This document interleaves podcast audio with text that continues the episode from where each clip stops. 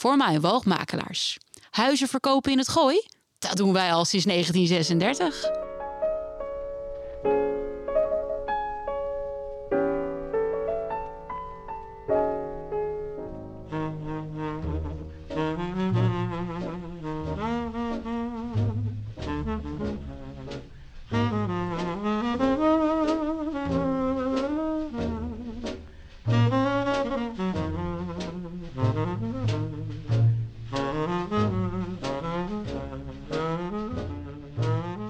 Goedemorgen. Welkom bij Praatvogels, aflevering 68. Elke zondag om 11 uur vertellen wij u verhalen van Dieren die denken. Beleefd leren luisteren. de biologieles van Bibi Dumontac is van ouderwetse degelijkheid. Zij is een juf, gesneden uit het goede hout. Zelfwerkzaamheid staat hoog in haar vaandel. Leerlingen moeten leren, ook van elkaar. En wat is daar beter voor dan de spreekbeurt? Zelfs bij de Partij van de Dieren leren ze van en over elkaar.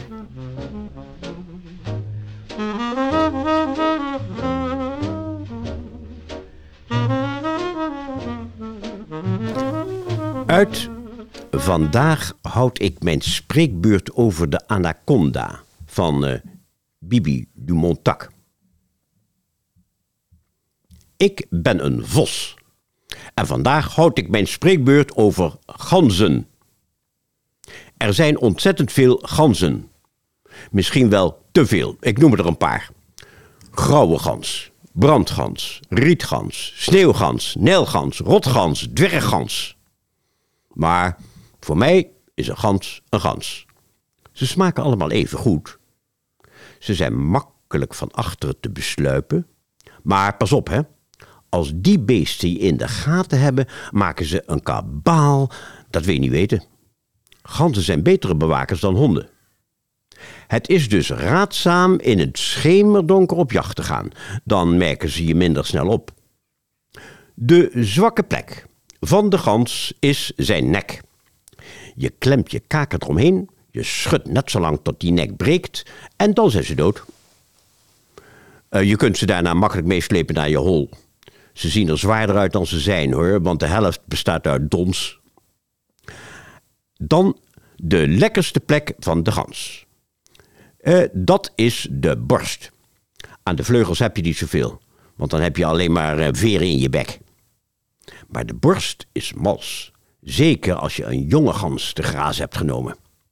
Want jonge ganzen hebben nog niet zoveel gevlogen en daarom hebben ze, zijn ze ook, ook- ook- ook nog niet zo, zo, zo spierkrachtig.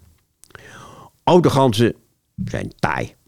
En dat komt. Hallo, mag ik nu al wat vragen? Eh, nee, uil. Want ik ben nog niet klaar met Maar mijn ik ben het spreekbeurt. niet eens met deze spreekbeurt. Nou, ik hou zo wel een, een vragenrondje. En dan ben jij de eerste aan de beurt. Dan wie heeft hier eigenlijk de leiding? En, en, en waarom zou een gans naar jou luisteren? Nou, omdat iedereen beleefd moet zijn en moet luisteren. Jij ook, daarom. Ik vind jouw spreekbeurt helemaal niet beleefd. Het gaat alleen maar over ganzenvlees. Nou, ik ken ganzen alleen maar als vlees. Ja, maar een gans is toch anders? Is meer dan een gans op je bordje. Het is mijn spreekbeurt. Ja, ja, jouw spreekbeurt over de gans als maaltijd. Ja, luister eens, uil. Als je het niet erg vindt, dan ga ik nu toch maar even verder met mijn spreekbeurt. Eh, waar was ik gebleven? Oh ja.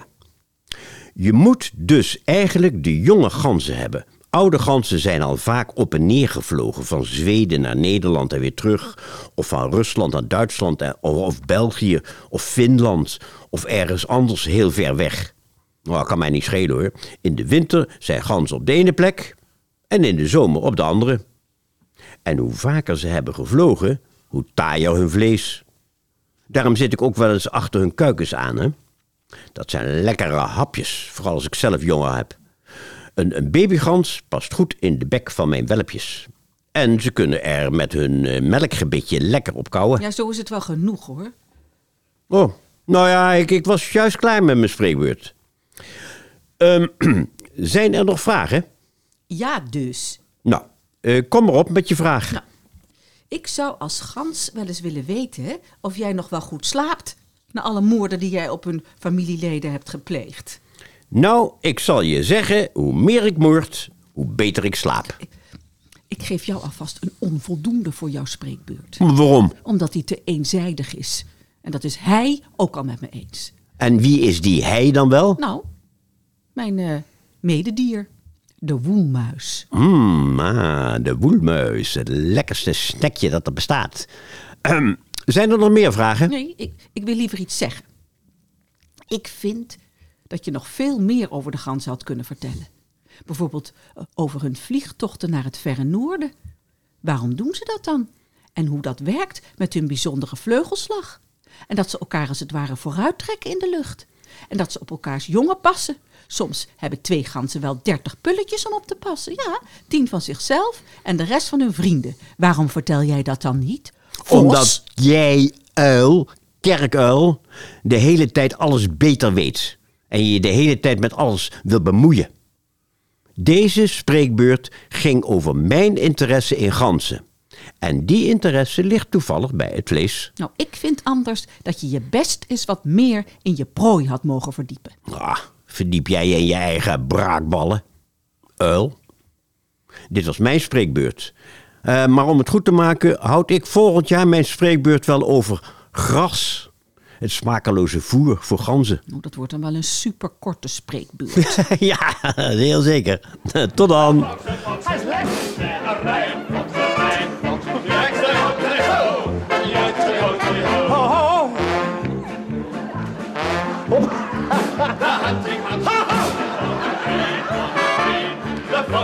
De Rijn de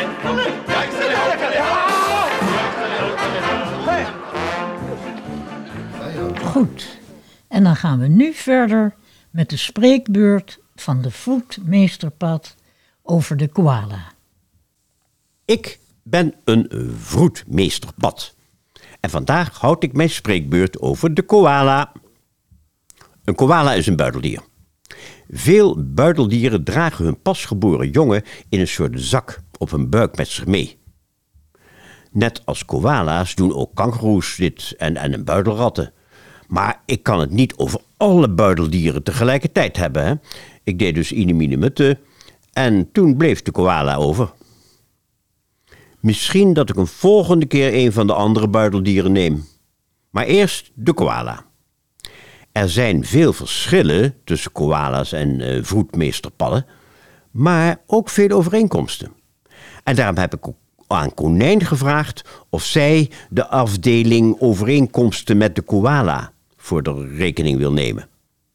Want als knaag en zoogdier heeft Konijn eigenlijk meer verstand van koala's dan ik. Hm, niet waar, Konijn? Ja, ja, dat klopt wel een beetje. Want ergens, hè, ver weg, schijnen wij, konijnen en koala's, familie te hebben. Of te zijn. Nou, goed. Dan begin ik eerst met de verschillen. En dan eh, moet Konijn straks maar de overeenkomsten bespreken. Is goed. Hè? Ja. Want zo houden we dan onze gezamenlijke spreekbeurt helder. Hè? Nou, dan de verschillen. Ten eerste, ik ben zelf een amfibie. Een dier dat zowel onder water kan ademen als erboven. Een koala is een zoogdier dat alleen maar kan ademen boven water. Ten tweede, een zoogdier betekent dat het jong melk drinkt bij de moeder. Zogen betekent dan ook je kind bij je laten drinken. Het, het bekendste zoogdier is de mens. Amfibiebaby's zorgen direct voor zichzelf nadat ze uit het ei zijn gekropen. Zij drinken geen melk bij de moeder. Ten derde. De koala-baby heet Joey.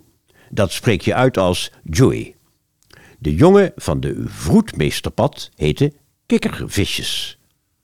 Er worden per keer maar één Joey geboren, maar vroedmeesterpadden krijgen wel 60 kikkervisjes tegelijk. Dan ten vierde. Koala's eten heel veel bladeren van de eucalyptusboom. Zij wonen aan de andere kant van de wereld, helemaal in eh, Australië, waar wij vroedmeesterpadden dan weer niet voorkomen. Dan ten vijfde. Koala's kunnen zonder water, want vocht halen ze uit de bladeren die ze eten. Wij eh, vroedmeesterpadden wonen op het land, maar wij kunnen niet zonder water. Ten zesde, onze huid voelt koel en bobbelig aan, die van een koala zacht en warm. Ten zevende, een koala maakt een grommend en knorrend geluid als een varkentje. Maar dan heel erg laag. De vroedmeesterpad roept als een soort vogel. Het lijkt helemaal niet op het kwaken en wat hij doet. Als de mannetjes s'nachts allemaal tegelijk roepen, dan klinken ze samen als de klinkende belletjes van een kudde koeien in de bergen. Koala-mannen en vroedmeesterpadden maken allebei geluid om eh, vrouwtjes te lokken. En daarmee kom ik dan eigenlijk al bij de overeenkomsten aan. Want juist vanwege de overeenkomsten wilde ik mijn spreekbeurt over koala's samenhouden met Konijn. En zij vertelt het verder. Goed. De overeenkomsten. Ten eerste, zowel buideldieren als vroedmeesterpadden dragen de jongen met zich mee. Bij de buideldieren doen de moeders dat en bij de vroedmeesterpadden doen de vaders dat. En daarom heten zij vroedmeesterpadden en niet vroedjuffrouwpadden. Ten tweede, als een koala een baby krijgt, dan is die baby heel erg klein, zo groot als een kikkervisje, maar dan in het roze. Stelt helemaal niks voor. Na de geboorte kruipt die piep, piep kleine Joey als een wormpje via de vracht omhoog naar de buidel van de moeder. Met zijn bekje zuigt hij zich vast aan de tepel waar melk uitkomt en daarna laat hij die tepel een hele tijd niet meer los. Ten derde, zij, de vroedmeesterpadden, zijn een beetje jaloers op die buidel, want zij hebben er namelijk geen, terwijl de mannetjes de jongen ook met zich meedragen. Geen levende jongen, maar de eitjes waar de kikkervisjes in groeien. En als het vrouwtje eieren gaat leggen, vangt het mannetje de eitjes op. En de eitjes komen uit dezelfde opening waar ook de poep en de plas uitkomt. Maar dat geeft niks, want dat spoelt in het water wel weer weg.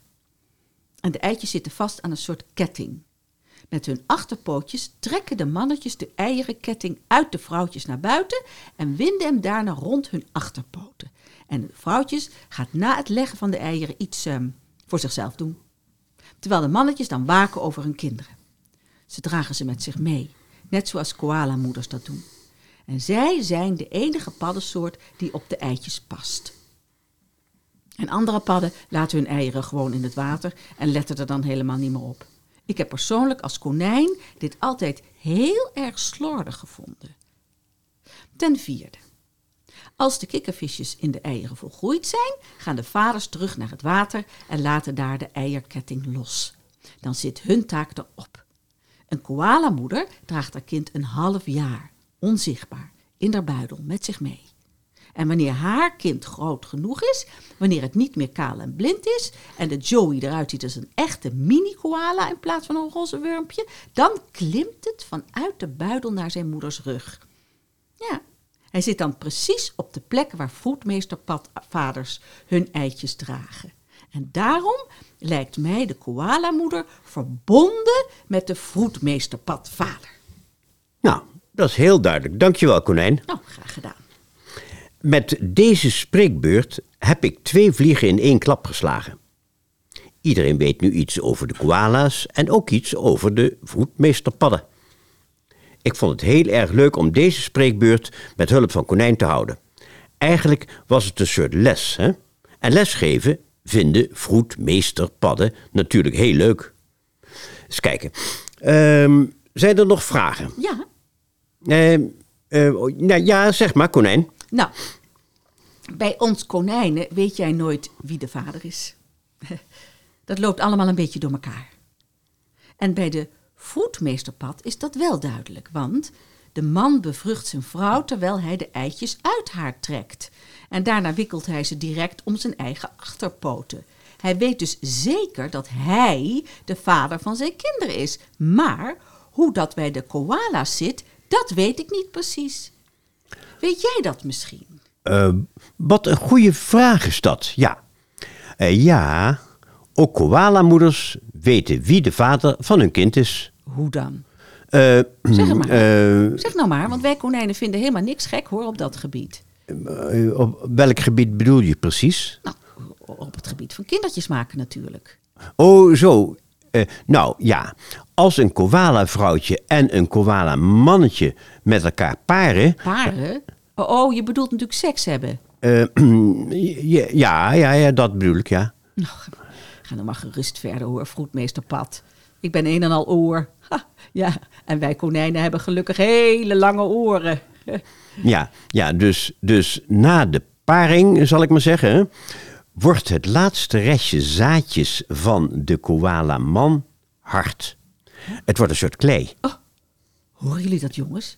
Die koalas in Australië, die zetten de boel op slot. Ja, en dat harde zaad zorgt er inderdaad voor dat het vrouwtje niet meer opnieuw zwanger kan worden van een andere mannetje. Maar ik, ik wil het hier graag even bij laten hoor. Nou, nou wij niet hoor. Jongen, jongen, hoe verzinnen die koalas dat? Ja, ni- niks is raar, konijn. Alle dieren zijn toch verschillend? Ook al zijn we familie. Hoewel wij vroedmeesterpadden dus een beetje hetzelfde als buideldieren zijn. Nou, Eh, zijn er verder nog vragen? Nee? Nee, Nou, dan rond ik deze spreekbeurt graag af. Tot de volgende keer.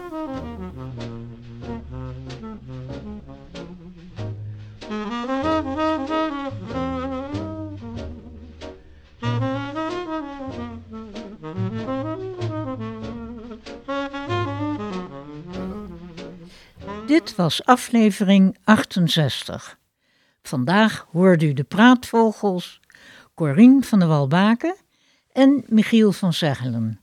Mijn naam is Hansje Terlingen. Tot volgende week zondag om 11 uur.